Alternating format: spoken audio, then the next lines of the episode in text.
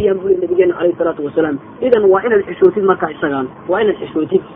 Waxa akhlaaqda laynooga baahanyay ka mida inagoo mid walba soo koobayna akhlaaqda qofka muslimka waxaa kaloo ka mid a alxilmi wasabr qofka muslimka waa inaad noqotid qof dulqaad leh. Waa inaad noqotid qof sabir leh waa inaad noqotid. Waana sifooyinka ugu caansan ee qofka muslimka ah laga rabo sabirka iyo dulqaadka. Sabirku waa adkaysi qofku waa adkaysi iyo dulqaadka. Maxaa yeelay camalkan islaamku waxaa ka buuxa makaarih makaarida soo lama garanayo waxyaalo naftu ay diidayso ayaa ka buuxa. De haddaad ku sabri weydo khalaas weeyaan. Waa khalaas weeye salaadii waxay u baahan tahay tukashadii sabir. Weysaysigu wuxuu u baahan yahay sabir. Adduunyada aad arkaysid bimacnaa wuxuu u baahan yahay sabir. Soo maaha inaad ka sabirtid yani waxaad garanaysaa maanta sabir la'aan waxba ma gaadhaysa haddaad sabri weydo waxba ma gaadhaysa haddaad imanka waxa weyaan ay tacliimta kugu adagtay haddaad rafaadi weydo tacbi weydo sabri weydo ilaa inta kuu jilcaysa aad sugi weydo. Sawqadi maysid hadaad ka cadhootid sawqadi maysid. Ka warran haddaad masalan aad ku shaqo tegaysid aqalada sida loo dhiso ma halka u sarraysa maad ka bilaabi waa lagu dhiibi adubaa dhisi mise halka yaro hoosaad ka soo bilaabi halka hoosaad ka soo bilaabi. De haddaad ku sabri weydo ka kale miyaad gaadhaysaa berri adiga unba iska lugoona iska cadhooni idan camalkan adduunyadaa sabir u baahan. De diinka intaan leegina sabir uu u baahan weye marka qofku waa inuu noqdo qof dulqaad loo adkaysanaya. Walidalik waa inuu qofka muslimkii dulqaad yeesho. Ilahayna wuxuu leeyahy waliman sabra ninka sabra ee adkaysta ina dalika la min cazbi lumuur umuurta ilaahay rabo ee loo baahan yahay ayay ka mid tahay sabirku bu ilahi subxaanahu watacala leeyahy ilahay baa ninkaa ka abaalmarin ilahay nabigiisa wuxuu uri fasfax safca jamiil nebi allow kuwan xumaanta kugu samaynaya aduu saamixid wanaagsan iska saamix bu ilahi subxaanahu watacala leeyahy muslimku waa qof dulqaad la weeye kan baa kugu gardaroon walaalkaan kalaad qalloox ka arkay dhulkan baad ku dul nooshahay ibliis baa jiro kan buu sababaxaynaya kan buu markaasi dhulta u jiidaya de haddaad adiguna dul qaadan weydo haddaad saamixi weydo qiimo daraad noqonaysa. Muslimku waa mid sabro weeye waa mid dul qaato weeye. Walidalik sabirku waa saddex laagood sabirku waa saddex qaybood. Inaad ku sabirtid ilaahay daacadiisa iyo digrigiisa soonkii waa rafaad inaad ku sabirtid. Salaadii inaad ku sabirtid. Camalkii aad qabanayso dhan inaad ku sabirto ood ku adkaysatid midda labaad sabirka labaadna waxa weeyaan waa inaad ka sabirtid wixii ilaahay kuu diido o dhan. Xaaraamta waa isku kaa qurxinaysaa waa inaad ka sabirtid midda kale waxayaan sabir kale waa maxay waa inaad hadduu qof wax kugu sameeyana waa inaad dul qaadasi markaa isagoo sabirtid xilmigiiyo dulqaadkuna waa maxay? Ninkii kugu gardarooday waa inaad iska saamaxdid iska raalliha walaal.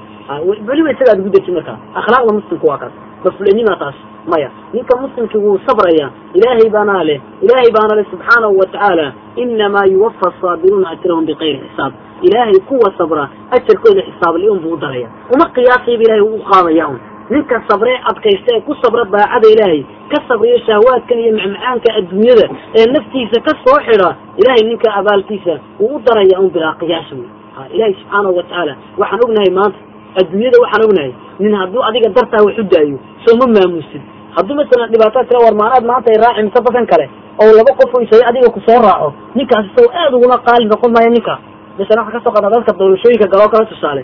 Dee nin walba intii isaga raacdo sow dadka kale kama jecla. Miyay ula siman yihiin may weeyaan idan maxaad u balay ninka ilaahay markii waxaasi waa xaaraamo waan ku caroonaya waa necabay ibliis baa wata. Anna waa anna waxaan wataa salaada iyo khayrkaa lagu sii socdo. Ee anfa adigu ibliiska iyo shahawaadka iyo zinada iyo fisqigaa raac anfa aniga isoo raac ila waa saa doorasho soo meesha ma taagna. Ilahay wuxuu kuley amba ibliiskaa raac inuu naar kuu gura raba amba aniga isoo raac ninka ilaahay soo raacay yidhi anigu uu ii qurxinayo dhaldhalaalkaan hordhigayo o dhan waan iska diidey oo adaanku ogolay rabbow. Ninka yidhi maxaad u malaynaysaa markaas? Ilaahay subxaanahu watacaala ma u dari waaya. Bilaa qiyaasin buu ilahay u daraya ninka ajar ha bilaa qiyaasin buu daraya ilahay subxaanahu watacaala ilahina subxana watacala saas ina amraya. Walidalik dadka muslimiintu dulqaad bay lahayn waidaa khaatabahum ljaahiluuna qaaluu salaama. Ilahay markuu mu'miniintu tilmaamay wuxuu yihi dadka muslimiinti waa kuwa markay jaahiliintu la hadlaan. Mid meelaha iska gardarro xumaanta un rabaa jira. Mid maxaan ku iska gardarro socota un baa jira adiga jira dadka adidaysta haddaba muslimku ka yidhaahda aniga yaan layga badin maahe waa kuwa markay dadka jaahiliintu qofka ku gardaraysanaya waa caqli darro wuxuu ku gardaraysanaya. Waa jahli un. Ilan haddii kale isba akhlaaqda fiican buu raaci laha dhinaciisa unbuu nolosha ka qaadan laha laakiin markuu adiga ku adeedeynayo ninka muslimka waa kuwa markay jaahiliintaasi la hadlaan odhanaya waar ina kale daa maxaaba inaga dhexeeya. Ha nabadgeliya waa ka muslimka sidaa odhanaya bu ilahi subxaana watacala leey ha waa raggaa wey marka qofka muslimka sabirna waa laga rabaa waxaana laga rabaa dulqaad. Walaalayaal ma inaga arrinta ugu horeyna cid aan ku dayanaynaa sow ma jirto.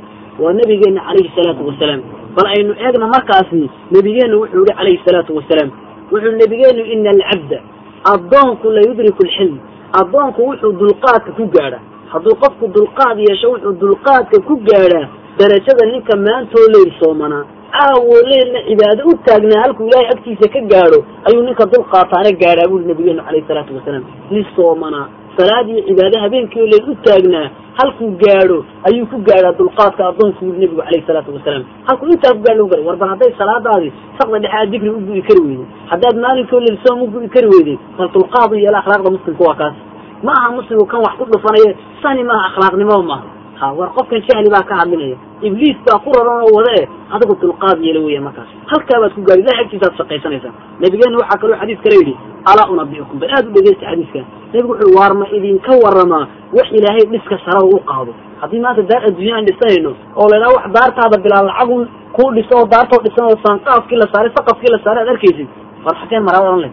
Haddaan kudhaa dariiqaan hayaa qofku hadduu wado maro aqalkiisii imaka bilaabayo oo dhisan inuu arkayo miyaa dayn lahayd nin walba waxola lacagtaa kuu taalle halkeen maraa idan nabigeen wuxu le war ma idiin sheega anigu wax bimacnaa waxay aqalada un sare loogu qaado qofka aqalun loogu dhisayo ilaahay subxaanahu watacaala wuxuu darajaadna qofka sare ugu qaado un ha ma idiin sheega darajada nin walba haddii laa galooman baa sare laysku qaadaya. Halkeen maraan ka soo laabmaa unba qof walba odhan la soo maa halkeen u maraa galoomada la biirinayo idan nabigeen wuxu le war wax galoomada lagu biirinayana ma idinka warrama. Haa bay dhahan saxaabadii may diideen qaaluu nacam bay dhahan haa yaa rasuulallah noo sheeg rasuulku wuxu uhi taxallam calaa man jahala caleyk ninka kugu jaahilnimo fale u dulqaado. Ninka kugu jaahilnimo fale kugu gardarooda u dulqaado. Ko wa tacfu can man dalama. Ninka ku dulmiyana iska cafi hadda ka xaqaagii qaatee ku dulmiyana kaana iska cafi soo laba wa tucdi man xarama ninka wax kuu diidana siin. Shalayba iyaga wax noo diideyna ha siin. Xaafadiyo meel arag yani waxa weya amba shalo isba wixii ugu sameyn ad ogta qalinkiisa iskuulkii diiday saas oo kale. Ninka wax kuu diidana adigu sii adigu sii buri nabigu alayh isalaatu wasalam wa haddaa doonta aqalla jannada lagaga dhiso darajooyin lagu qaado. Kii kuu diiday bini aadminimada ha arko berri bu iska oran doona oo qofkan adiguna waxunba udiidaysaa sida wax u kuusanaya maxaadna marka dambe wanaagaad baraysa ninka wax kuu diiday sii buri nabigeenu maxaa kaloo yihi watasilu man qadaca ninka ku jarana xidhiidi ka ku soo booqan waaya kaaba xanaaqee kaa goostana aduu yar booqo assalaamu calaykum. Asalamu calaykum waa bal iska waran. Waa ninkii ku jarayba hadda adigu xidhiidi kaadoo yar u laabo u dir kii ku jaray saas le nabigena alay sala slam waa haddaad doonaysa ilaahay jannada darajooyinkaaga dhis inuu aqalla ku dhiso darajooyin sare kuu qaado. Intaan akhlaaqda muslimku waataa waa inaad u dulqaadatid ninkii kugu jaahilnimo fara. Rasuulkeenu wuxu uhi salawaatu illahi wasalaamu caleyh bal aad u dhegeysa dulqaadku siduu qaali u yahay. Nabigeenu wuxuu ilaahay markuu khalaa'iqda isku keeno maalinta yowma alqiyaamahe dhibka badan leh maalinta cadceedda laysa soo duldhigayo laysku dul dhalaalinayo ee nin walba dhididkiisa uu ka dhacayo midba mid bimacne dhididkiiba uu liqliqayo yani ee rafaadkaa lagu jiro maalinkaa waxaa dhawaaqa mid dhawaaqaya. Markaa buu leey ayna ahlulfadli kuwii fadliga iyo deeqda iyo darajada lahaa maya bu ilahay ayaa ayuu odhanaya waa la dhawaaqaya aley kuwii fadliga lahaa maye dadka wax dheeraa maye? Markaasay bimacna dad baa kacaya. Wahum yasiir bu nabi xaal bimacna yani ay soconayaan iyagoo in yara in yaroo dadoo soconaysa ayaa kacaysa. Markay kacaan waxay fayandaliquuna siraacan ila janna.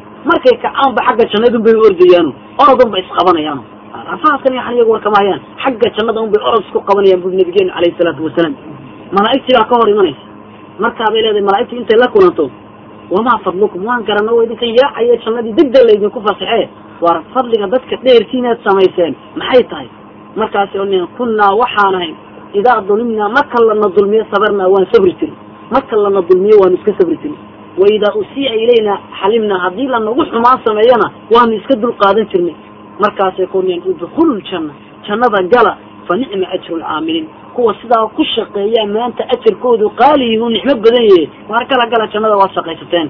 Maxaa ku shaqaysateen? Waa sabir waa dulqaad. Idan sifada muslimka taasaa ka mid a walidalik yani yaa dabiq ilaahay ugu horreeyey yaa inuu dabaqa laga rabo haddii marka casarka marka masalan xisaab oo kale la sharxayo marka xisaabta in la sharxo masalan maanta xisaabta in la sharxayo waa taas. Marka la sharxayo la sharxayo tusaalaha koowaad yaa ka shaqeeya dadka tusa macallinkaa tusa soo maa ila ardayga horta weli ma garanaya marku macallinku halkii u maray buu ka daba qaata.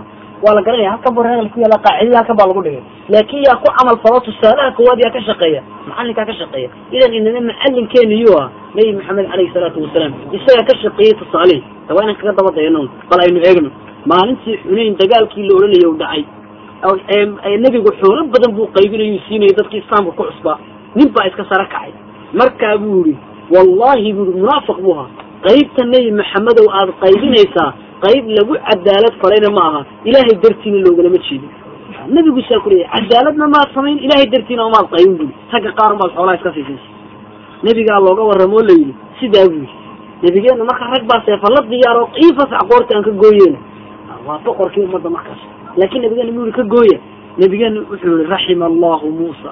Ilaahay nebi muuse u naxariista u nabigeenu yihi ma waxaas ma dhibaata ma intaa yarun bu igu yidhi in aniga iga fara badan baa la dhibay bu yihi nabigeenu alayhi salaatu wasalaam. Nebi muuse inta aniga la dhibayo in ka badan baa la dhibo fa sabara wuu ku dulqaatay wuu ku sabray bui nabigeenu alayhi salaatu wasalaam. Annama inta yar waan ku sabraya iska dhaaf bui nabigeenu alayhi salaatu wasalaam.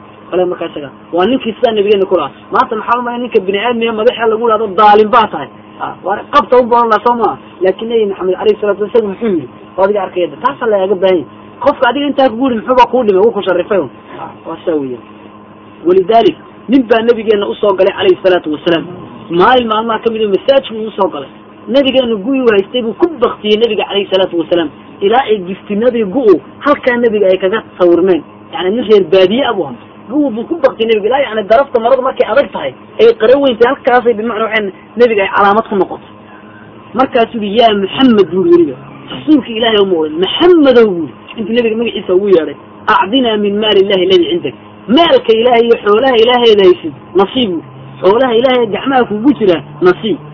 Nebigu intu saa u eegay buu qoslay nabigeena calayhi salaatu wasalaam waa ninka baktiyay sii daalan horta la dagaalamayda soo maa hataa askar haysatida maxaad umalan leed qabta un baa le soo maa laakin nabigeena waa la wadareejoogay nabigeena intuu qoslay ayuu yihi war maalku maalkii yani siiya buri weliba raadadka bari wuxuu yihi maalku maalkii aabbaha iyo kii hooyadaa maha sii buri markaasu nab nebigu yidhi intuu qoslay war maalku kii aabiin kii hooyadii maha siiya buri nabiga calayhi salaatu wasalaam yani ninkani waa jaahilnimo wa waxaan ku laakin nebigu kama horgeyne ba hadalka quruxda badan ka ninkani dib unbu ufakiraya markaa isaga. Dib bu ufakiraya inu qaldamu garanaya. Idan qofka muslimkaa saasaa lagaga baahanya. Waa ka kugu dulmi fala adigu wanaag ka horgey waa kugu gardarado waad iska arkaysaa soo maaha. Ilaahay baa kuu og maxaad bini aadamka dooni maxaa yani wuu baktiyo wuu dilay. Wuu iska celi waaya mataasaad eegeysaa waa doqon markaasaad eegeysaa waa doqonka doqonnimo maaha taas. Waa qaali weeyaan. Yani waxaa nabigeen wuxu ui geesigu ma aha. Ninka dadka intuu la legdadamo legda kan legda kan legda ma aha. Laakin ninka geesigii waa ninka markuu cadhooday cadhadiisa iska yar laqawi nabigeena alayhi salaatu wasalaam. Nin kasta geesi miyaa ninka cadhadiisa ay soo qaaday. Yani waxan waxan maxaa samaysay waar waan cadhoonaya bu dhaha waa midanoo diintiiba ka baxay ilahay caalay war maxaa kuu kalifay waa cara iga keentay. Oo carama diintay kaa saaraysa idan waa fulinimo iyo nacasnimo wey waa nacasnimo waxaasoo midhan marka carada wax ka doqonnimo badani ma jiro. Ilan carada waxay ka dhigan tahay hadhow waxaad cara u samaysay soo ma tira war maxaa kugu weti baniisi buu ninku carada ku sheegaa soo maaha. Idan hadda nabigeen wuxu le waa ninka geesigii waa ninka markuu cadhoodo carada un yar liqawey eenay waxba ka soo bixin geesnimadu waa tahay nabigeenu calayhi salaatu wasalaam walaalayaal marka waxa weeyaan tusaalena waxaa kaaga filan rasuulkeena salawaatu ullahi wasalaamu caleyh markaa bal waa inaan isku yardayno rasuulka isku suurayno. Walidalik maxaa jirtay markaa isaga yaani waxa weyaan maalin maalmaha ka mid a nebi ciise calayhi salaam baa tusaale inaga filan. Nebi ciise waxau ahaa bimacnaa waxa weeye nebi ciise. Yani horta waxaa dhacday nabigeena calayhi salaatu wasalaam. Ayaa bimacnaa cumar ibn lkhadaab ayaa nin doonay yahuudiya baa nebiga yihi maal nin baa yahuudiya maal nebiga uu ka amahday. Isii buu nebi maxamedow maalkaygi xoolahaygii isii buu xoolahaygii isii buu markaasuu yihi weliba cumar wuxuu ku dareecayo wuxuu yihi adiga iyo reerkiinuba markaa nebiga wuxuu sheegaya reer bani cabdilmd cabdilmunaaf waa nebiga reerkiisa jilibkiisi adig reer cabdi jilibkiina oo dhan ba qoom ma dalben qoom dadka meermeeriye un badan weligood dadka maysin jirin. Dad dadka meermeeriye un bad hayden buri cumar ibn khadaab baa ka cadoodo markaa ui yaa rasuulah ui kani yahuudigaa qoorta aan ka gooye igu fasax buri yahuudiga sankugule qoorta aan ka gooye nabigeenu wuxu uhi cumarow cumar buu nabigeena dib u canaantay bale cumarow buu yihi kaana calayka waxaa korkaaga haddaad muslimtay waajib kugu ahaa inaad aniga si fiican wax iga daysa oo tiraa rasuul allow ninka dayntiisa soo sii. Isagana inaad tiraahid si fiican rasuulka uga doon ood cadaalad noogu dhex shaqaysid baa cumarow adiga korkaaga hayd bu laakin qoorta aan ka gooyay igu fasax may taa xaq umaad lahayn cumarow. Saasuu rasulku salawatu llahi wasalam aleyh ku nebi ciise calayhi salaam nebigaas isagu wuxuu a qaryooyin ku mari jiray sama qaryooyin ku mari jiray ku dawaafi jiray dadka isagoo diinka u sheegaya qoluu soo maraa way caayaanuun qoladaas. Hadal xunun bay ka yidhahdaan saaxir way caayaan. Isna hadal fiican oo qurux badan buu celiya nimankii xawaariyiinta isaga gargaaraha u ahaaye la socday rumeeyey baa yidhi ciisa waa sidee bay idhahdeen dadkani way ku caayayaan. Shar bay kuu leeyihiin way ku dhibayaan. Adiguna hadal fiicanun baad u leedahay.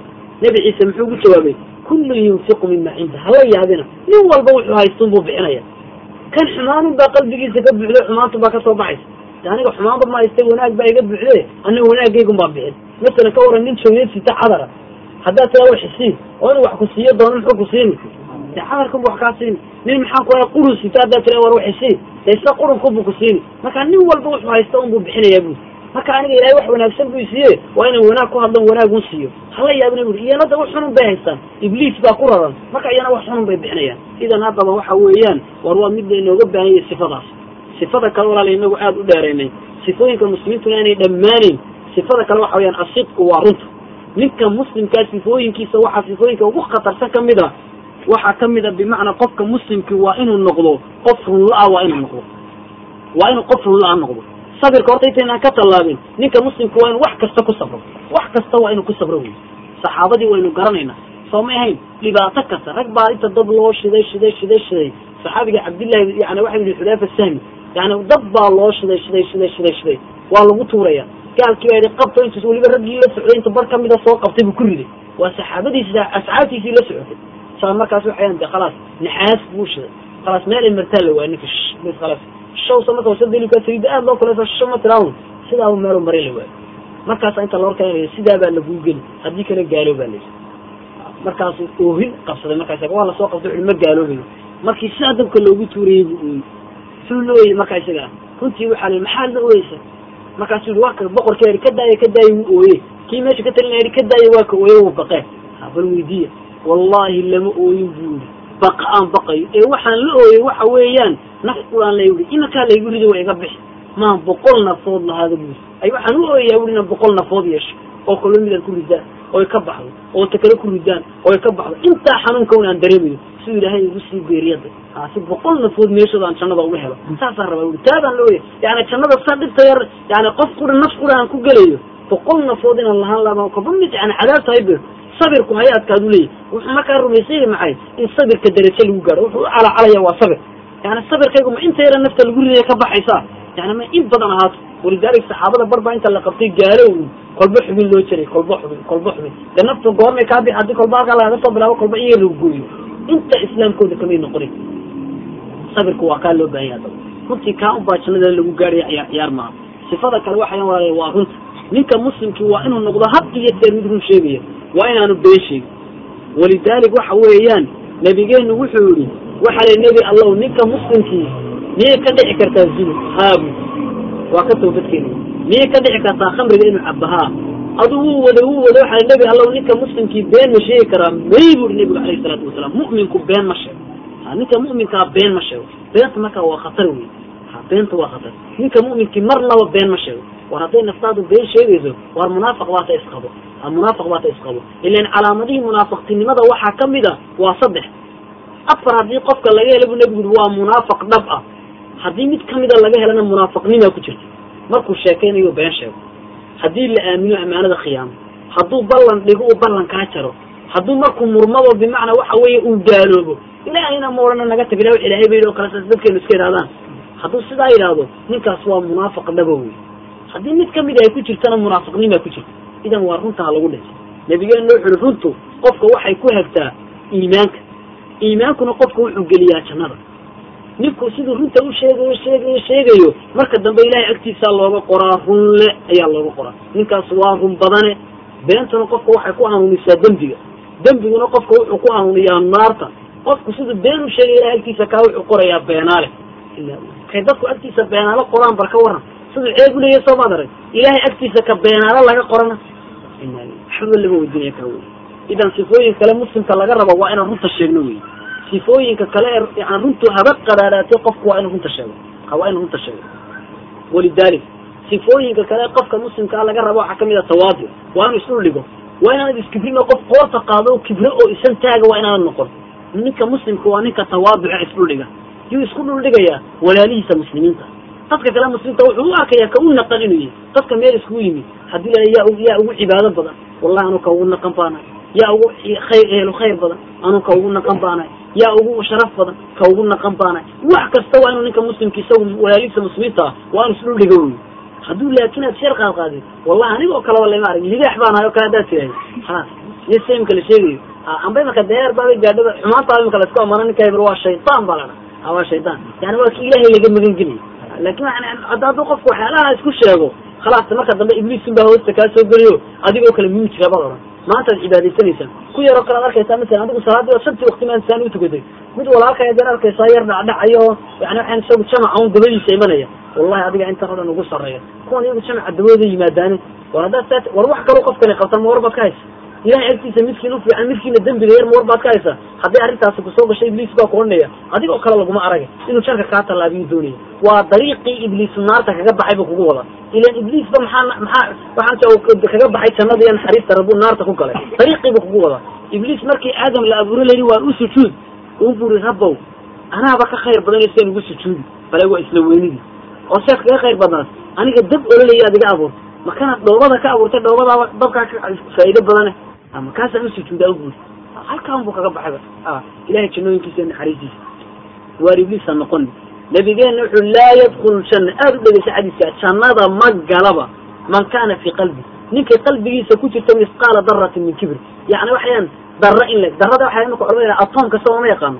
Atom in leeg bimacni oo kibri ninkay qalbigiisa ku jirto jannada uma gala buri nabigeenu alayhi salaatu wasalaam. Waa inta in leeg oo kibira isla weynaan ninkay qalbigiisa ku jirtaa jannadaba ma gala waa la gar soo maa inta in leeg ninkay qalbigiisa ku jirtaa jannadaba ma gala buri nabigeenu alayhi salaatu wasalaam idan ilaahay waxaa buu leeyahay waar ciziga aniga ayaa iskale cizigu masalan waa go'aygii oo kale. Ha cizigu waa gundhatahaygii oo kale. Kibriyuhuna masalan waa go'aygii oo kale. De ninkan haddaad nin gu-iisa iyo gundhatiisa kula muratisa iska kaa celin maayo ilahay wuxuu ninkii ninka igula murmaa. Faqad cadabtuhu waabaan cadaabi bu ilahi subxaanahu watacala leeyahy adigu cizina ma lihi weynaanna ma lihi ilahay baa labadaba iskale faraha ka qaado haddaad ilahay kula mugantid ilahay cadaabun buu ku diyaarsado ku gelin. Waa sidaa weeyaan idan walaalayaal taana waa inaan iska ilaalino waan garanay soo maaha. War sifooyinkaan waxaan ku wada sifoobi karan laakin way adag tahay imaka waar aan dhab gelino waxa ugu khatarsan oo sifooyin ka mid a iyadoo waktigu dheeriya kuwa ugu khatarsan aan soo koobne waa ka muslimiinta dhexdooda maanta la leeyahay. Ninka muslimkaa sifooyinka laga rabo waxaa ka mid a ijtinaabu tan. Waa inuu malaha ka dheeraado. Yani waxaan war dadkani maxay kaala jeedaan? War hebel iyo hebel baa saa igu sameeyey oo miyaad maqlaysid waan u malaynaya ina wax raggaas inay xumaantayda ujeedaan baan u malaynayaa. Waa malaha caynkaas. Kaa waa inuu ninka muslimka sifooyinkiisa ma waa inuu ka dheeraado. Hiiba xanta hilibka dadka oo la cuno un taana waa inuu ninka muslim ka dheeraado. Hor walaalkaa agtiisa ad agtaada haddii lagugu soo qaado. Afka hus dhe kaas agteeda laguma xanto muslimiinta dhe. Iska diid jahanama buu gelina dhegaha waa lagu weydiin qiyaamaha tatabuc cawraat muslimiin cawradaha dadka muslimiintooda raacdi ninkan walaalka ee muslimkaa ka daba shaqee iska ilaali haddaad ka daba shaqaysidna muslimna sida akhlaaqdiisa waa dhaaf walaalkaaga muslimkaa iska dhaaf kalas ceebihiisa ha raac raacin wanaagiisa una kuu muuqdo ceebtiisa iska dhaaf wey waxa laga yaaba inaad walaalka aragto halkaa gabadh ay wada socdaan warta ilaahay baan kugu dhaarshay inay walaashii tahay inay eddadii tahay inay habaryartii tahay ma war baad ka haysaa ibliisku muxuu ku odhanaya gabadhaasi maxay tahay may iska diid marka diid isagaa ku wadee ceebaha muslimiinta ha raacraacin maxay gabadhaasi ahayd ha sii odhanin. Ka soo qaad inay walaashi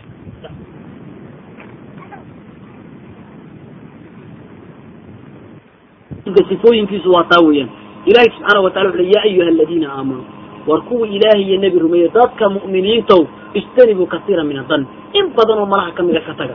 Masalan waa ninkaaba malaha ma tukado. Malahaba ka tag baa lagu leeyay wuu tukadaa ku jira malaha ka tag ala ina bacda danni ismi. Malaha barhkii waaba dembi bu ilahay subxaana watala leeyay de ka waran ninkaa waxaad u malaysay haddaanu hayn. Waa dembi ilaahay maalinta yawma alqiyaamaha ku weydiinayo. Idan ha u malaysan baa lagu leeyay waxaad ii malaysay masalan in anugu ahay nin xun. Mabay xaqiiqatan ka soo qaad.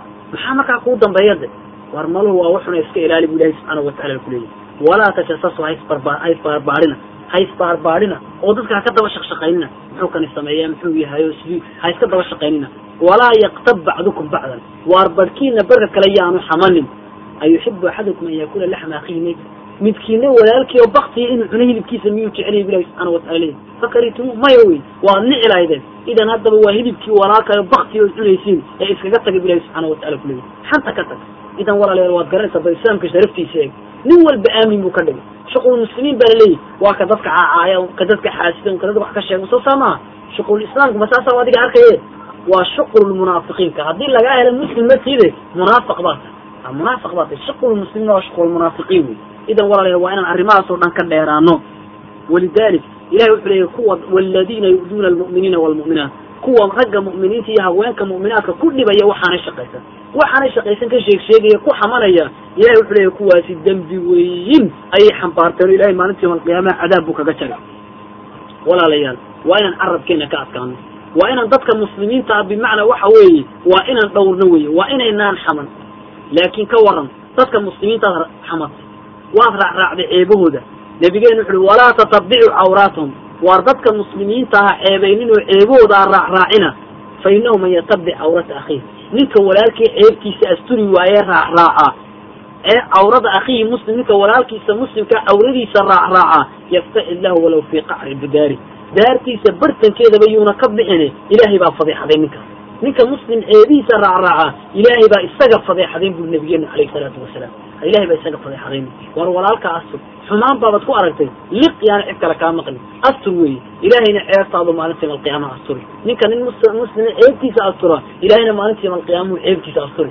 Walidaalik tusaale ka soo qaad saxaabigii cabdillahi bni mascuud ayaa nin u shaqaynayaa yidhi jeerkeenu waa soo ashkataynayaayo khamriga ayay cabbaan buuri hala jeedaliye war ceebaha muslimiinta raacraacin buri iska daa khamrigay cabbaan yani bilo waxaa ka waray wuu ku daatayba wax kastaa dhici kara ceebahooda ha raacraacina iska daago uga nabigeena inu yidhi ninka walaalkii oo muslima ceebtiisa astura ilaahayna maalintii malqiyaamaha buu ceebihiisa astura ceebaha gasoo dunuubtad gasho dhan ma buuxin war ilaahay baa ku astura qofkan qaladka uu ku dhacay inta quraad u qaban karaysa waxa weeye kan uga waran kan kale uga waran kan kale u sheeg waar isfahmatiida waa munaafiqnima taas maxaa daweysa kan baad waa didisayba qofka soo gasaa maaha idan qofka muslimka waxa weyaan haddaa walaalkaa ceeb ku aragtay u tago walaal ceebtan baa jirtay bes dheh.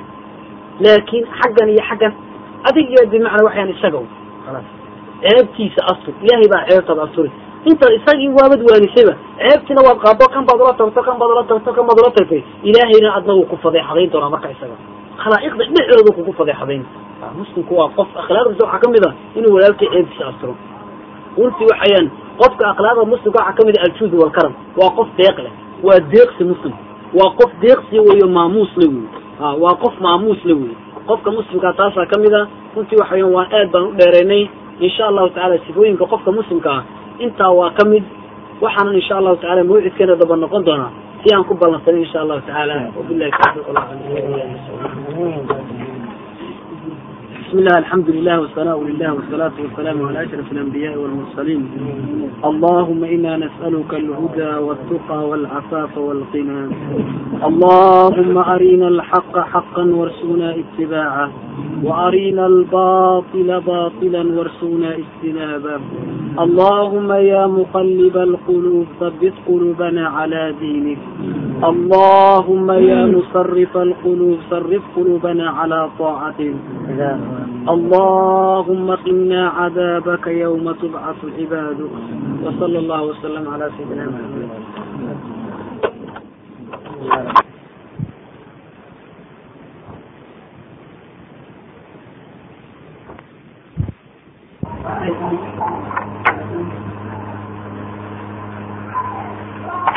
oo qof kastoo muslima runtii inuu ku dhaqmo laga maarmaan u tahay ama inagu maadaama nahay dad dhalinyara inaynu nafahaantaynu fahnay islaamka saxiixuu yahay taasaa laga maarmaano. Mid kastoo inaga naga midi fahmo maxaa yeelay waxa weeyaan islaamku waxa weeye waa guri oo kale haddaan ka soo qaadnay masalan qofkii hadduu aqalkaa markaasi shuruud leeyahay ladhaa waxa iyo waxa ku soo galo qofkii waxa u suura gelaysa inuu aqalkii galo. Marka uu aqalkaasi wixii dhex yaallay haddii wanaag lagu tilmaamay inuu la kulmi karo. Laakiin qofkii masalan haddii masalan maanta kale casuumad lagugu yeedho waxaa laga yaabaa in qaarkood masalan meelaha la iska dalbado warqado oo kale dadka la siiyo. Marka ninkii warqadaa haysta un baa laga yaaba haddii meesha aada loo adkeeyo inuu geli karin oo qof kale geli karin. Haddaba maadaama arrintu sidaa tahay inagu maadaama rabna haddaba islaamka inaan noqono dadka warqadaha u haysta ahna runtii inay islaamka dhab u geli karaan amba uu ku sifoobay insha allahu tacala si aan u noqono caawa waxaan soo qaadan doonaa mawduuc. Runtii waxa weeye aada inoogu qayima runtii inaan isku dhisnaan laga maarmaana waa bil runtii waxaa shay nolosheena caam yeelaya weye markaa noloshan qofka muslimkii she islaamku wuxuu noqday imaka sheeko. Bes waa sheeka un lagu hayaa. Bal haddaba camalkii oo dhaba inaan eegno weeyaan. Masalan waxaa laga yaabaa in aanu wax kuu sharxo oon kuyaa masalan waxaan qofka wax dhisaya masalan waxaa iyo waxaa iyo waxaa iyo waxaa iyo waxaasuu markaasi sameeyaa. Qaldada intaasaa la laaqaa saasaa loo laaqaa. Dhammaanteed afka kaa wado waa waa yani waxa waa waxbarasho gaara. Haddaan ku tuso intan afkii kaa idhi aan weliba ugu tusana runtiisa dhabti waa camalkan wey marka haddaba si aynu islaamka u noqono dad dhab ugu camal falaya caaw waxaan soo qaadan doonaa runtii dersigeena ah waa inaan maadaaman qof muslima ahay waa inaan akhlaaqdaydana muslim ku ahaado. Mawduucaasaan soo qadan doonaa. Yani waxa weyaan maadaaman muslim ahay akhlaaqdayda iyo sidaan u socdo iyo nidaamkayga nolosha oo dhanba waa inaan muslim ahaado. Waa inaanan kala maqnayn waa inaanay akhlaaqdaydu noqon islaamka dhaafsan waa inaanay noqon. Haddaba mawduuceenu kaabuu noqonayaa runtii akhlaaqda wanaagsan waa aasaaska diintan islaamkaba weye qofka akhlaaqda wanaagsan oo ku socdo qof akhlaaq fiican inuu noqdo waa diinta islaamkaba weeyaan wixii bal rasuulka loo soo diray baabuu noqon karaya maxaa yeelay rasuulkeenu salawaatu ullahi wasalaamu caleyh wuxuu yihi innamaa bucidtu liyutamima makaarim alakhlaaq waxaa la ii soo diray buu nebigu yihi inaan akhlaaqda dhammeeyo makaarimteeda iyo wanaageeda unbaa la iisoo diray buu nebigu alayhi salaatu wasalaam. Inaan akhlaaqda quruxda badanle bini aadmiga u soo gudbiyo si ay ugu dhaqmaan taa unbaaba la iisoo diray bui nebigu calayhi salaatu wasalaam. Idan walaalayaal akhlaaq akhlaaqda runtii qiimaha badan le waa tu la inaga rabo wey haddaba waxa isweydiin leh maxay tahay markaasi akhlaaqda quruxda badan leh? Runtii waxa weeyaan akhlaaqda quruxda badan leh waxaan ka soo qaadan doonaa dhowr arrin. Akhlaaqda quruxda badan leh waxay tahay waa daliilka amba waa tusaalaha qofka bimacnaa iimaankiisa waa waxa kutusi kara weye waa midhaha iimaanka weeye akhlaaqda quruxda badan leh. Qofku inuu akhlaaq fiican yeesho waa iimaankiisa bimacnaa midhihiisa weeyaan. Isla markaana waxa weye waa waxa kutusi karaya qofka iimaankiisa waxa kutusin karaya weye qiimana ma leh. Iimaan aan akhlaaq lahayn qiimana ma leh. Ogsooni u tahay iyadaa markaas. Yani islaamnimaduna is ma aha akhlaaqduna is ma aha. Laakiin waxayan iimaanka midhihiisaaba akhlaaqdaa wey marka iimaanku midhuu bixiya soo geesku midho ma bixiyo. Iimaankuna midhuhu bixiya waa akhlaaqda.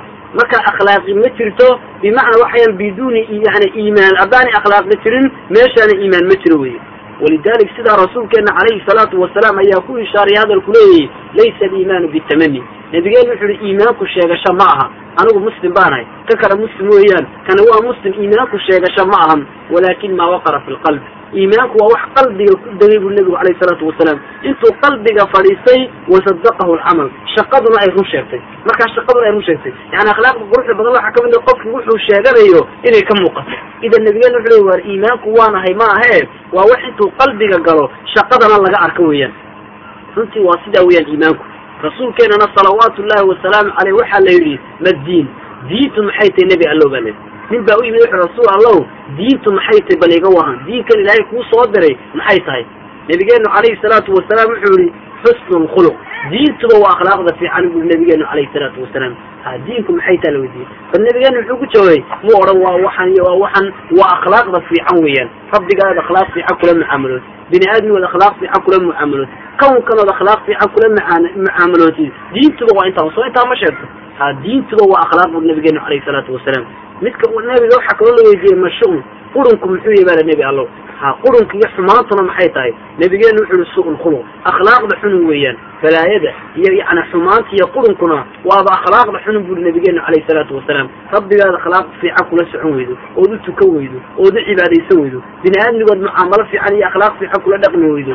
Khalqigana batonkan kale arlada iyo yani cirkan iyo dhulkan iyo waxaa ku dhex jira oo xayawaan kale oo waxaad akhlaaq fiican kula socon weydo qurunkoo dhanba waa kaas yuri nabigeenu calayhi salaatu wasalaam. Idan arrintu waa cadday markaas runtii waxayan akhlaaqdu waa shay qiimo badan. Bal maalintii bal qiyaamaha marka addoonka camalkiisa loo miisaamayo nebigeenu wuxuu yihi waxa ugu culays badan miisaanka maalinta yowma alqiyaamaha masale waxaa laga yaabaa qofku markuu dukaan joogo kiilooyadu saarayo sow kiilooga maxaa ka culays badan? Laba kiilo soo maaha.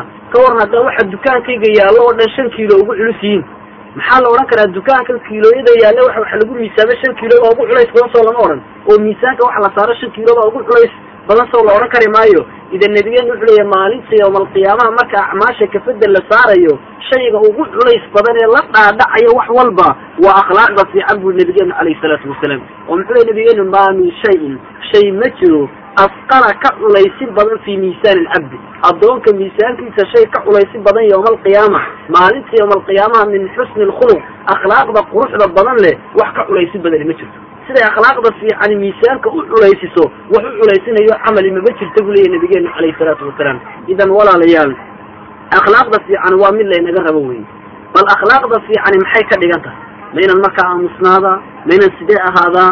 Idan akhlaaqda fiicani waxay runtii qofka u xasilisaa cibaadooyinka ayay islaamka xasilisaa qofku inuu noqdo mid ilaahay caabudaya ayay ka dhigtaa markaas akhlaaqda fiicani waa ta qofka ka dhigtay inuu ilaahay caabudo. Waar kii abuuray ee sameeyey ee candhuuf yar ka abuuray. Ilan ilaahay subxaana watacaala bini aadmigoon jirin buu jirsiiyey. Waxa weeyaan yani waxa weyaan biyo yar buu ka abuuray qofka bini aadmiga raximkii markaa hooyadii ilaahi subxaana watacaala intaa ku korinayey. Isagoo saddex mugdi ku dhex jira isagoo madheerti ku duuban. Isagoo raximkii ku dhex jira. Isagoo calooshii ku dhex jiro halkaa ilaahay ku arsaaqaya subxaana watacaala arladu weliba u soo saaray caqli buu siiyey. Wuxuu ka dhigay midkaad aragtay sidaa quruxda badan lagu abuuran. De miyaanay akhlaaq xumo ahayn. Khaaliqa sidaa u abuuray u ilaahay u mahadliqi waayo. Waa akhlaaq xumo wey akhlaaq ka ma jirto. Maxaa yeelay imarka hadduu qofku wax ku sharifo aw cunto ku siiyo aw raashin si wax yar kuu qabsado maxaa tidhahdaa waad mahadsantay soo maaha wax kale kaama soo baxo waad mahadsantay banaana idan da miyaanay allaha sidaa kuu soo abuuray waad mahadsantay inaad tiraa miyaanu kaa xaq mudan. Uu kaa xaq mutay idan akhlaaqday ka mid tahy oo haddaynu naana mid masalan dee alli yani waxaan qofkii biyaha kuusoo dhigo ku maamuusay haddaad ka sii jeedsatid amba muxuu yahay tiri aydkani bal ka waran akhlaaq xuyay sooma naano qofkani. Haddii laakiin waad mahadsan tiri wani waa qof akhlaaq fiican baa naana idan de haddaba khaaliqii ku abuurood u cibaadaysatana akhlaaq fiicnida taasaa ugu horeysa wey idan haddii aanay cibaadadan aad samaynayso akhlaaq ku jirin waxay noqonaysaa un dhaqdhaqaaq faa'iidan lahayn. Cibaadadan aad samaynaysaa haddaanay akhlaaqi la socon de waxaad noqonaysaa cibaadadaadu waxaan qiimo lahayn bay noqonaysaa. Cibaado kastood ilahay ku caabudaysa haddaanay akhlaaq lahayn waxaan qiimo lahayn bay noqonaysaa. Waa sidee? Masalan salaada ka soo qaado salaadu waxa weeyaan waa cibaado. Haddaanay akhlaaqi la socon oo markaad rabbigaa u cibaadaysato allihii imaka aad u cibaadaysanaysa imaka inaad xumaan samaysid waa inay nafta kuu diidade laakiin haddaad imakana allah cibaado u geshid oo leedahay iyaaka nacbudu wa iyaaka nastaciin.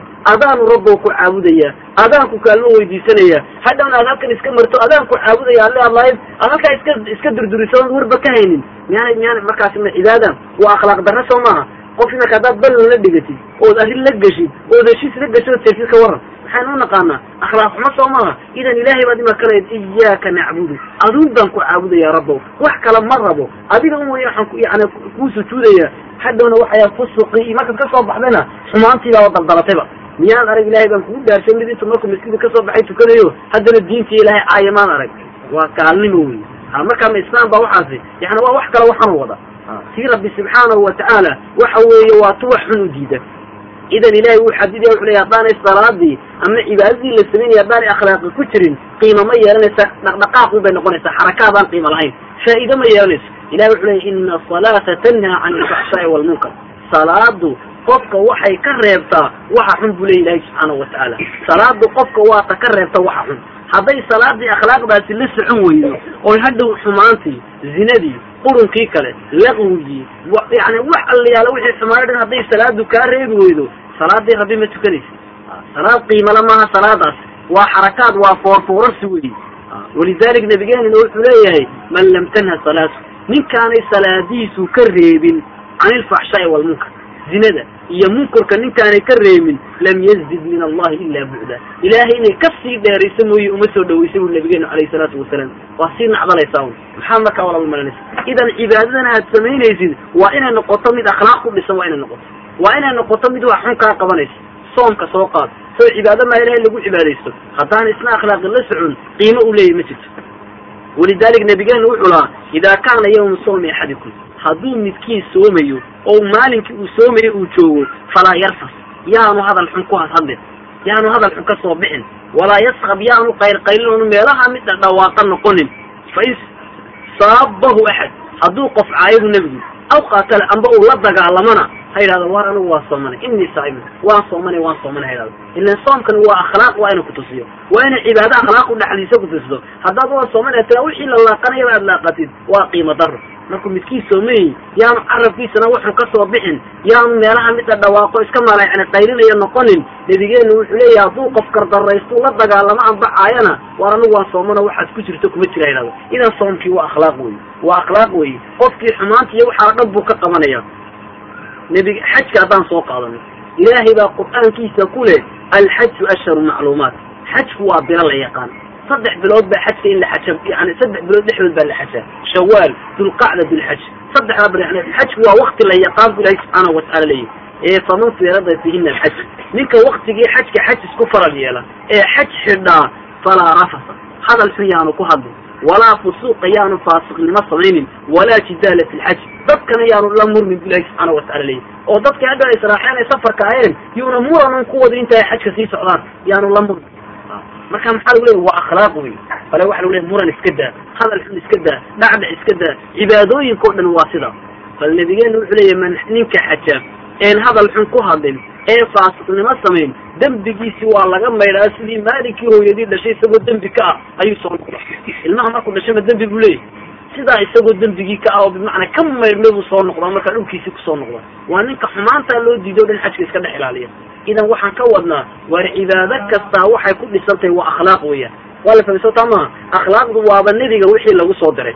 Haddaba inagu muslim baanahay inagu muslim baanahay adugu waxaad leedahay muslim baanahay muslim maxay ka dhigan tahay rabbi baan isku dhiibay weeyaan anugu waxaan leeyahay muslim baanoo rab baan isku dhiibay qof kasta wuxuu leeyahay inteena ka midi muslim baanoo rab baan isku dhiibay de haddaba muslimnimadu ma wax la tilmaami kari waayaan muslimnimadu ma wax la tilmaami kari waayaan haddaan suuqa u baxaana in waxa weeyaan kani wuxuu leeyahay muslim baanahay halka buucay samaynaya halan kaloo qurun kala samaynaya halan kalo maxaan ku waaya meeraysanaya.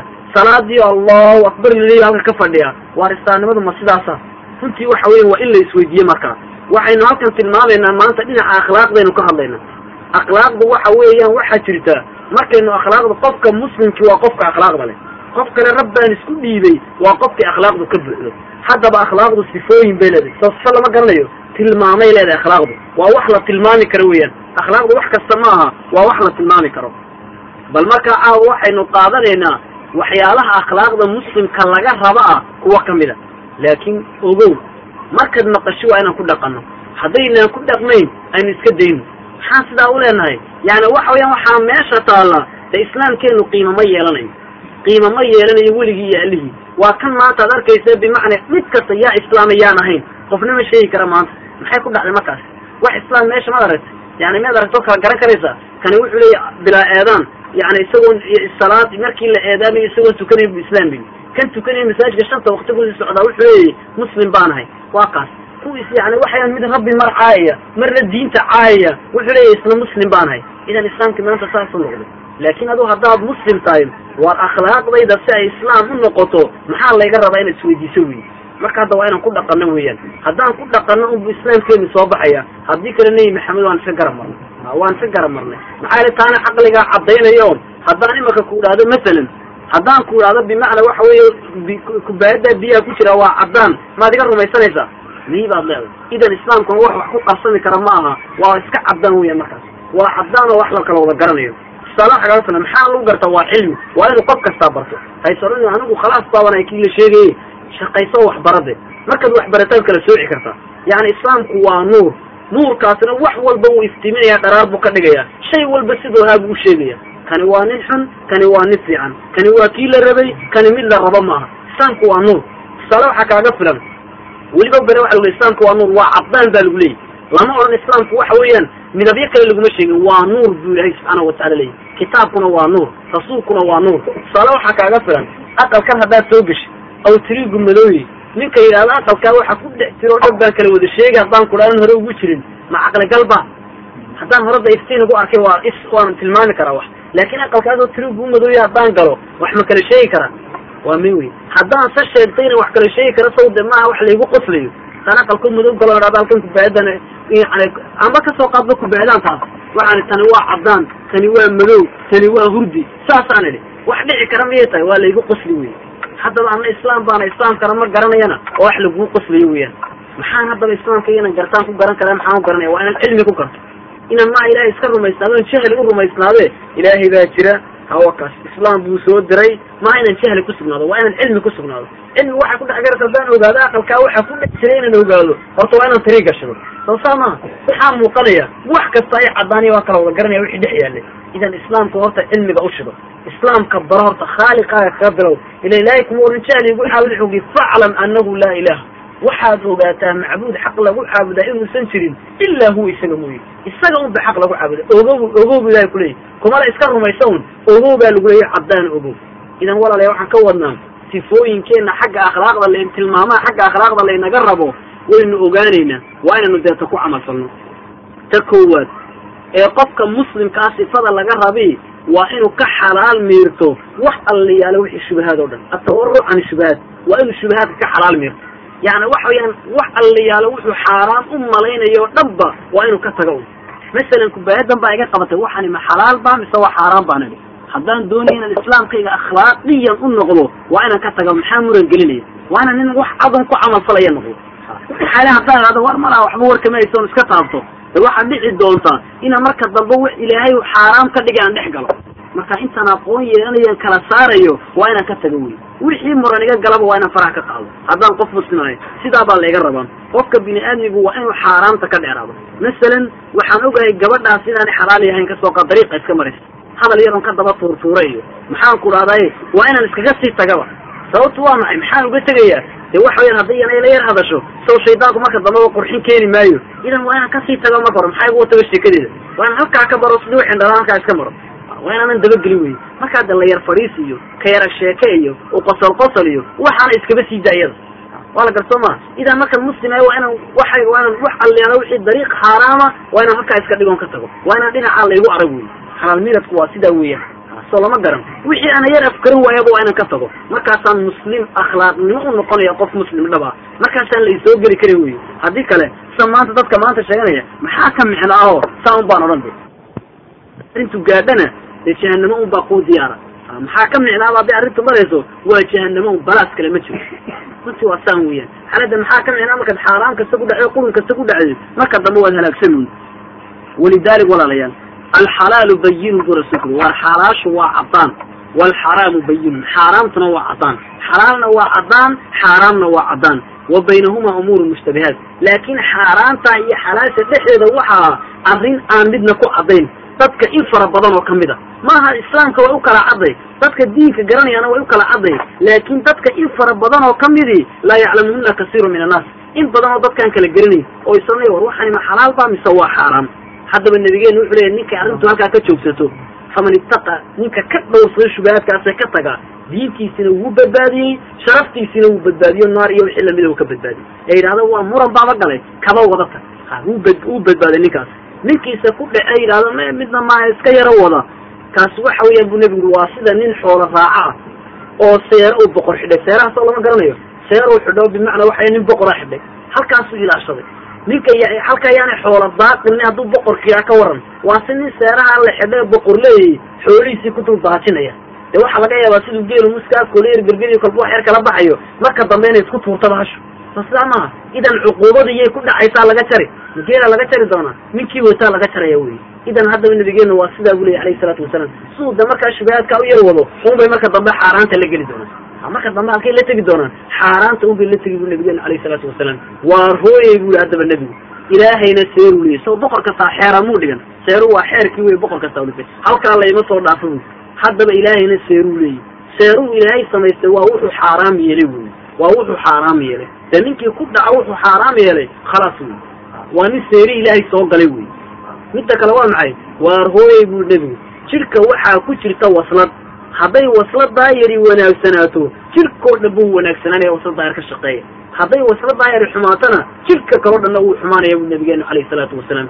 Alaa wahiya alqalbi buu nebigu yihi waar waa qalbiga buu nebigu waa qalbiga wasladaas. Qalbigiina ilaashada. Qalbigiina dhawra buu nabigeenu calayhi salaatu wasalaam. Haddaad qalbigaaga ka shaqayso nuur ku daysid dee nuur bay arrintu noqon. Haddaad qalbigaaga iska madoobaysidna waad khalaas baad noqotay. Ilaan qalbigu waa cabsaan weeye marka koowaad. Ninku markuu dembi sameeyo dhibic madow baa lagu dhejiyaa hadduu ku kala sameeyo dhibic madow dhibic madow dhibic madow. Hadduu mid xun ba noqdo de marka dambe daxal buuba ku noqdaaba khalaas madow rid buu noqdaa jahanamo un baa markaasi kaasi rabbina ma arka maalinta yawma alqiyaama bu ilahi subxaana watacala leeyay waa jahanamo ehelkeeda laakiin ninka muslimka waa maxay? Saafinimu ku cadaynaya hadduu yar gafo aw dembi ka dhacay layna nebi aadan dhammaantii u wada gafaaye kuwiisa soo qabanaya ya rabbi buu leey cid kaloo dunuubta dhaaftaa jirtoon adiga ahayn? Saasuu leeya xagga ilahay buu soo cararaya. Markaasuu kolba ka masaxaya caddaankiibuu mu'minku ilaalinaya isma iloobayo muslimku waa kaa caddaanka un ku ilaashanaya. War qalbiga hala ilaaliya saasuu rasuulkeena salawaatu ullahi wasalaamu calay leeyihi haddaba waxaana weliba uu leeyahay xalaal miiradku heer ugu korraysuu leeyahy derajooyin buu xalaal miiradku kala leeyahy derajada u sarraysa nabigeenu wuxuu ihi la addoonna ma gaadho. Inuu noqdo muttaqiinta kuwa derajada u sarraysay adqiyada ninna ma gaadho. Ilaa intuu ka tegayo wax kastoonay balaayaba lahayn. Isagoo ka digtoon inay waxani balaayo yeeshaan. Isagoo isla malaa war waxaan ilaahay bilahi dhow kugu qabsay. Markuu addoonku wax walba uga tago isagoo hadda waxaan balaayaba ku jirin. Markaasi wuxuu gaarayaa darajadii muttaqiinta u leey nabigeenu calayhi salaatu wasalaam. Intaa horte ayna halkaa ma gaadhayo. Taas waa mid qodobka akhlaaqdeena kooda baynu inaynu xalaal miira noqono. Dad xalaasha ku dhimanaya waa inaan noqono. Waxaad u hubtay inuu xalaal yihiin waa inaad qaadatid shaqadii haddaad xalaal ogeydin waa inaad shaqaysatid. Haddaad maalka alu kaa soo gelaya xalaal ogeydin waa inaad qaadatid wax kasta waa inaad dariiqa xalaasha u martid soo lama garan. Waa inaad xaaraamta iska ilaaliso weeyaan. Taas waa taas. Tan kale waxayan qabdulbasar waxa weeyaan yani waxa weeyaan akhlaaqda labaad ee qofka muslimka waa inuu indhihiisa laabto muslimku naftiisu badbaadinaya. Waa inuu indhaha laabto oo uu ka laabto ilahay wuxuu ka xaaraam yeelay o dhan. Wuxuu ilaahay ka xaaraam yeelo o dhan akhlaaqda labaad. Waa inuu indhaha ka laabto muslimku. Bal muslimka idafta ilahay baraya waa akhlaaqdii muslimka wey waa ta laynaga wada rabo. Waa inuu ninku wix allayaalo wixii xaaraamaba waa inuu indhaha ka laabto. Maxaa yeelay daymada faraha badan li qofka shahwadiisiiyo wuxuu jeclaabay dhexalsiinaysay ku abuuraysaa marka dambena waxaa laga yaabaa inay naftu ku dhiirigelisaba qofka inuu dembigi iyo caasiyada ilahay caasiya u dhex galo oo ku dhaco. Idan markaa ninku waa inuu indhaha sii laabtaba. Qur'aankuna markaas wuxuu inooga digay ilaahayna daymada iska maxaan kulahay siyaadada daymada iska siyaada masalan dumarka oo kale tusaalaha fitanta ugu si badan ka mid a qofku isagoo isha la sii raacraaca taa waa la inoo diidaya marka isaga. Hadday ishaadu ku dhacdo mar khalaas marka hore mooyane mar dambe malihin marka dambe ka jeedso weyaan marka hore ishu kaaga dhaco iska soo horbaxdeen ka jeedsa marka isaga. Mar dambe shaqa kuma lihin. Xaalada marka dambe waxa weeyaan ista un badan bay kale ku halaagsamay hadaad meel walba isdhex dhigtid. Walidalik qur'aankeena ilahi wuxuu leeyahy qul lilmu'miniin waxaad ku tidhaa nebi allow mu'miniinta nin kasta lama odhan. Haddaad moodayso in nin walba laleeya lama odhan. Bale waxa la waxaad mu'miniinta ku tidhaa ragga rabbi rumaysan. Ee rabbi garanaya waxaad ku tidhaahdaa yaquddu min absaarihim. Waar indhihiina laabta. Oo wixii ilaahay idinka xaaraam yeelay ka laabta sidaa bay badbaadada iyo sharafta iyo quruxda idinku jirtaaye saabaad ku badbaadaysaane. Rasuulkeenuna wuxuu yihi annadratu sahmun min sihaami ibliis daymada dumarkii ishara la sii raaraacaya waa leeb amba waa gantaal oo gantaalada ibliis ka mida bui nabigeena calayhi salaatu wasalaam. Yani waa leeb oo leebabka ibliis ka mid a de markaa markaad isha ku dhufatidba barbal si eegu buu kuleeyahy markaa nabigeena wuxuu iska ilaaliya calayhi salaatu wasalaam soo maad garan. Yani isha markaad sidaa wax ugu dhufatid waa leeb ibliis waxaad gantee isqabo weeyaan markaa isagoo islaali de haddii kale ibliis una deeco leebabkiisa uu sii daayo kolbada dadkaa un daadaawo taasa ayadaa wey waxaanu rasuulkeenu yihi waa diiday miyaa waxaaba tiri me anu waxbaan iska daadaawan dumarka waan iska daadaawan oo kale masalan wuxuu ilaahay iga xaaraam yeelaan daadaawan. Nabigeenu wuxuu leey arrintu in la daadaawado noqon mayse. Nabigeenu wuxuu lataqudunna absaarakum haweenaydina waa la mid yal ina ragga eegta maaha nabigeenu wuxuu waxaan wallahi baan ku dhaartay indhihiina laabteen oo xumaanta ka laabteen farjiyadiinana xifdideen amaba ilaahay wejiyadiina gediyey buu nabigeenu calayhi salaatu wasalaam. Aw layaksidanna allahu wujuhakum ilaahay wejiyadiina dhanan dooriyey kuwa doofaarka iyo daahirada kale idinka dhigay. Ama waxaan halkan yani wejiga san quruxda badan usiisa ilaahay ka bedelo indhaha oo kale iyo qadaadka idinkaga sameeyey xaggaa idin jeediye yani ilaahay saasuu idinku abaalgudi doonaa. Haddaad dayn weydaan bu ilahay subxana ayuu rasuulkeenu leeyay salawaatu ullahi wasalaamu caleyh idan walaalayaal akhlaaq inagoo soo gaagaabinayna akhlaaqda labaad ee mu'minku waa inuu indhihiisa laabto wey waa inuu xumaanta ka laabto. Maxaa kaloo meesha taalla? Akhlaaqda saddexaad ee khatarkee qofka muslimkaa inuu akhlaaq ka dhigta laga rabaa waa suulu lisaan. War waa inuu carabkan qofka muslimka iska ilaaliyo. Waa inuu carabka qofku ilaaliyo weyaan akhlaaqda labaad. Haddaba haddii carabka qofki uuna ilaalinayn waa khalaas weeyaan kan uun iska ilaali baa lagu leeyay marka isaga. Walidalik carabka qofku waa inuu ka ilaaliyo. Hadalka dhacdhaca waa inuu ka ilaaliyo. Hadalka dhacdhaca soo lama garanayo. Waxaanay faa'iida kugu jirin. Waxaan dadba kulahayna dhex gelina iska daa. Carabkaaga ka adkow xifti. Hadalka intaanad hadlin. Horta ha hadlin uun laakin fakir horta. Hadalkan aad ku hadlaysa ma waxbaa kuugu soo noqon. Isagoo qurux badan yahi haddaanay aakhirada iyo adduunyada midna waxba kaaga soo noqonayn iska dheh haddii laakiin hadhow wax lagaaga daba iman uu yahay oo amba rabbi uu kaaga daba iman doono dee adduunyadana ceeb kugu ah war isilaali markaa isaga. Iska iska liqo ha odhanin. Maxaa yeelay maa yalfidu min qowl. Ilahay wuxuu leeyahy ina nebi aadan hadal kuma hadlo ilaa ladayhi raqiibun catiid haddii kaloo hadalba ka soo baxo malag xaadira oo qorayaa jira bu ilahi subxaana watacala leeyahy malaa'ig baa qoraysa wuxuu ku hadlayo dhan. Qiyaamahana waxaa laleeyahy ha waa kan waxaad ku hadlaysa. Ha akri bal waxaad lahayd markaasi runtii way la weynaan doontaa walidalik nabigeenu markuu arrintaa ka warramayey ayuu yihi nabigeenu nin baa yidhi yaa rasuulallah ui saxaabaa yaa wuxuu rasuulka ilaahayow wuxuu ota nabigeenu kaa un ka adkow waad badbaadiya carabkaa un iska qaba naftaada. Markaasuu saxaabaa yaa wuxu uhi yaa rasuulallah bu yidhi. Oo miyaa waxaanu ku hadallada noo qabani bu yidhi. Nabigeenu wuxu uhi oo dadka miyaa wejiyadooda naarta loogu ridaaba ilaa waxay carabkoodu goosatay un baa loogu ridaa carabkani wixii uu goostay unbaa dadka qiyaamaha wejigooda naarta loogu daadiyaa bui nabigeenu calayhi salaatu wasalaam waa kaa wuxuu goostay walidaalik waxa weeyaan nabigeenuna wuxuu leeyahy ninka mu'minkii ma aha bitacaan. Waxaad arkaysaa maanta mid iska caycaytamayo mid wax iska dacnayo kani muxuuyo kan kale muxuuyo hadalladaasoo maad arag war mu'minka akhlaaqdiisa taa maha carabka ka adkow nabigeena wuxu uhi mu'minku maaha dacaan. Mid dadka dacniyo kan wuxuu yahay kan kale wuxuu yidhaa ma aha. Walalacaan mid wax nacdalana ma aha qofka muslimku had iyo jeer wax nacdala un walalfaxaash faaxish ilbaadi mid akhlaaq xuno wax kastoo qurna ku hadlana mu'minku ma aha buri nabigeenu calayhi salaatu wasalaam. Mu'minku waa waa qof dadka ka badbaadeen. Waa qof carabkiisa adkeeyey weye waa qof ceebtiisu ay ku filaatoon ceeb nin kaleba eegeen. Waa la garsoomaa idan carabka waa inaad ilaalino weye laakiin waad ilaalin weydo waad iska yar hadashay. Nabigeenu wuxuu leeyay man kasura kalaamu. Ninka hadalkiisu faraha bato. Kasura saqadu. Waxa bata dhacdhiciisa soo dhacdhac maad arag hadallada naarta ku tuuraya ku bata waman kasura saqadu ninku dhacdhaciisu batana kasura dunuubu buri nabigeenu alay kasura dunuubu dunuubtiisa ayaa badatay buri nabigeenu calayhi salaatu wasalaam waman kasura dunuubu ninkay dembiyaashiisu bataana kaanat innaara kaanat innaaru awlaa bihi naarta ayaa u xaqnimo badan inay qaadatay buri nabigeenu calayhi salaatu wasalaam kol hadduu hadalkaagu bato dhacdhacaagaa badan hadduu dhacdhacaagiiyo gefkaagu batana dembigaagaa badan hadduu dembigaagu batana naar un baabad ku istaahishaa buu leeyay nabigeenu calayhi salaatu wasalaam. Meel kalood ku haboontay in lagu geeyaba ma jirtoo naar ahayn buu leeyay nabigeenu calayhi salaatu wasalaam. Idan markaa u fiirsa waxaad ku hadlaysa waar waa inaan carabkeena ilaalino wey. Walidaalik subax kastaba qofku markuu soo kaco carabku wuxuu leeyahay xubnaha kaleo dhan baa la hadlaya carabka. Ilaahay nagaga baq carabiyo ilaahay ka baqoona ilaali haddaad qalloocato waan qalloocanaynaa haddaad toosnaantana waan toosnaanaynaaye carab iyo ilaahay ka baqbay xubnahoo dhan ku yidhahdaan maxaad umalanaysa marka isaga. Walaalayaal waa inaan kan iska ilaalina wax kasta waa inaynaan ku hadlin walidaalik nabigeenu wuxuu leeyahy ninku kelmad buu ku hadlaa isagoon uga aaba yeelayn. Jahanamana intuu ugu dhaadhacaa buri nabigeenu calayhi salaatu wasalaam. Marka waa inaan is-ilaalino wey akhlaaqda labaad ee muslimka waa inaan carabkaagu wanaagsanaado. Walaalka hadal fiican ku dheh walaalkaaga kale maxaan si yaroo qurux badan u soco waxaan shaqadada inha gelin wixii khayrun ku hadal ha iska hadlin. Waa la garsoo maa taa weeyaan. Akhlaaqda saddexaad ee soo akhlaaqda waxa weeye muslimka akhlaaqiisa ka mid a alxayaa xishood. Qofka muslimku waa inuu yahay nin xishooda waa inuu yahy xishoodka soo lama garan waa inay akhlaaqdeena ka mid noqoto xishood. Xishoodku markaas waa maxay? Waa inaad xaalad walo xaala xaalaadkaaga kamida waa inaad xishootid xishoodka hadda maaha markaa ka maanta loo yaqaano waa ka mid.